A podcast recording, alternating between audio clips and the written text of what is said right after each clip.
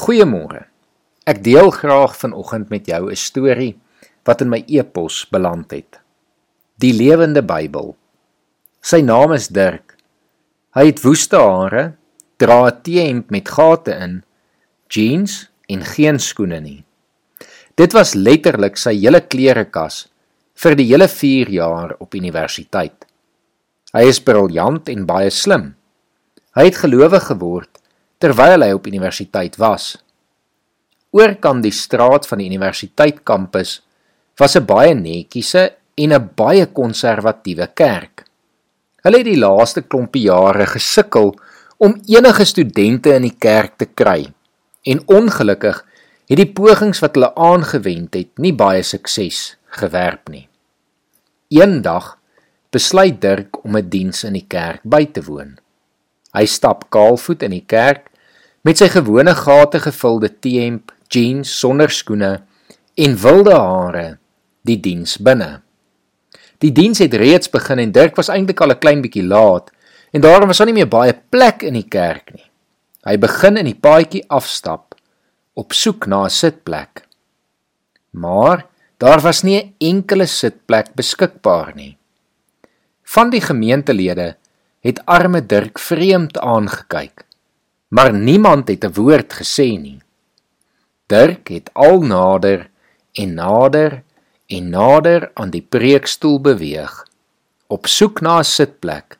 En toe hy besef dat daar regtig geen sitplek beskikbaar is nie, maak hy homself toe maar tuis op die mat voor die preekstoel. Teen die tyd is die gemeentelede alreeds baie opgetrek oor die situasie en die atmosfeer is al redelik dik. Jy kan dit amper met 'n mes sny. Op die stadium besef die prediker dat een van die ouderlinge van heel agter in die kerk op pad is na Dirk. Die ouderling is reeds in sy 80's, het silwergrys hare en 'n drie-stuk pak aan. 'n Godvreesende man, baie elegant, statig en hoflik. Hy stap met 'n kierie en terwyl hy sy weg baan na die jong man, sê elkeen vir hulle self dat hulle nie die ouderling kan kwaadlik neem vir dit wat hy van plan is om te doen nie. Dit neem die ouderling 'n lang ruk om uiteindelik die jong man te bereik. Hoe kan jy verwag van 'n man van sy jare en agtergrond om 'n jong student wat op die mat sit te verstaan? Die kerk is doodstil. Behalwe vir die geklik van die ouderling se kierie op die vloer. Alle oë is vasgenaal op hom en die gemeentelede haal skaars asem.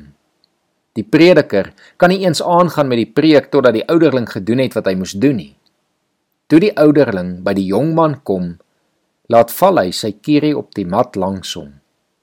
Met groot moeite sak hy af en gaan sit langs Dirk. Hy trek sy skoene en kouse uit en sit gereed om saam met die jong man te aanbid sodat die jong man nie alleen sal wees nie. Die hele gemeente voel hoe die emosies in hulle opwel.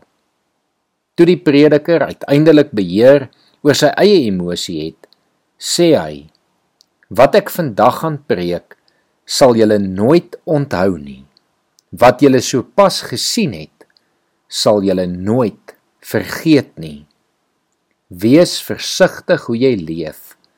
Jy mag dalk die enigste Bybel wees wat sommige mense ooit sal kan lees. Kom ons bid saam.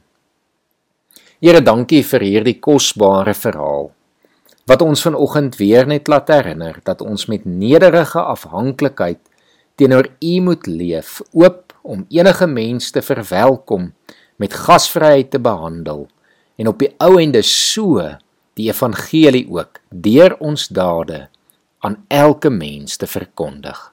Seën ons daarin vandag. Help ons en lei ons. Ons bid dit in Jesus se naam alleen. Amen.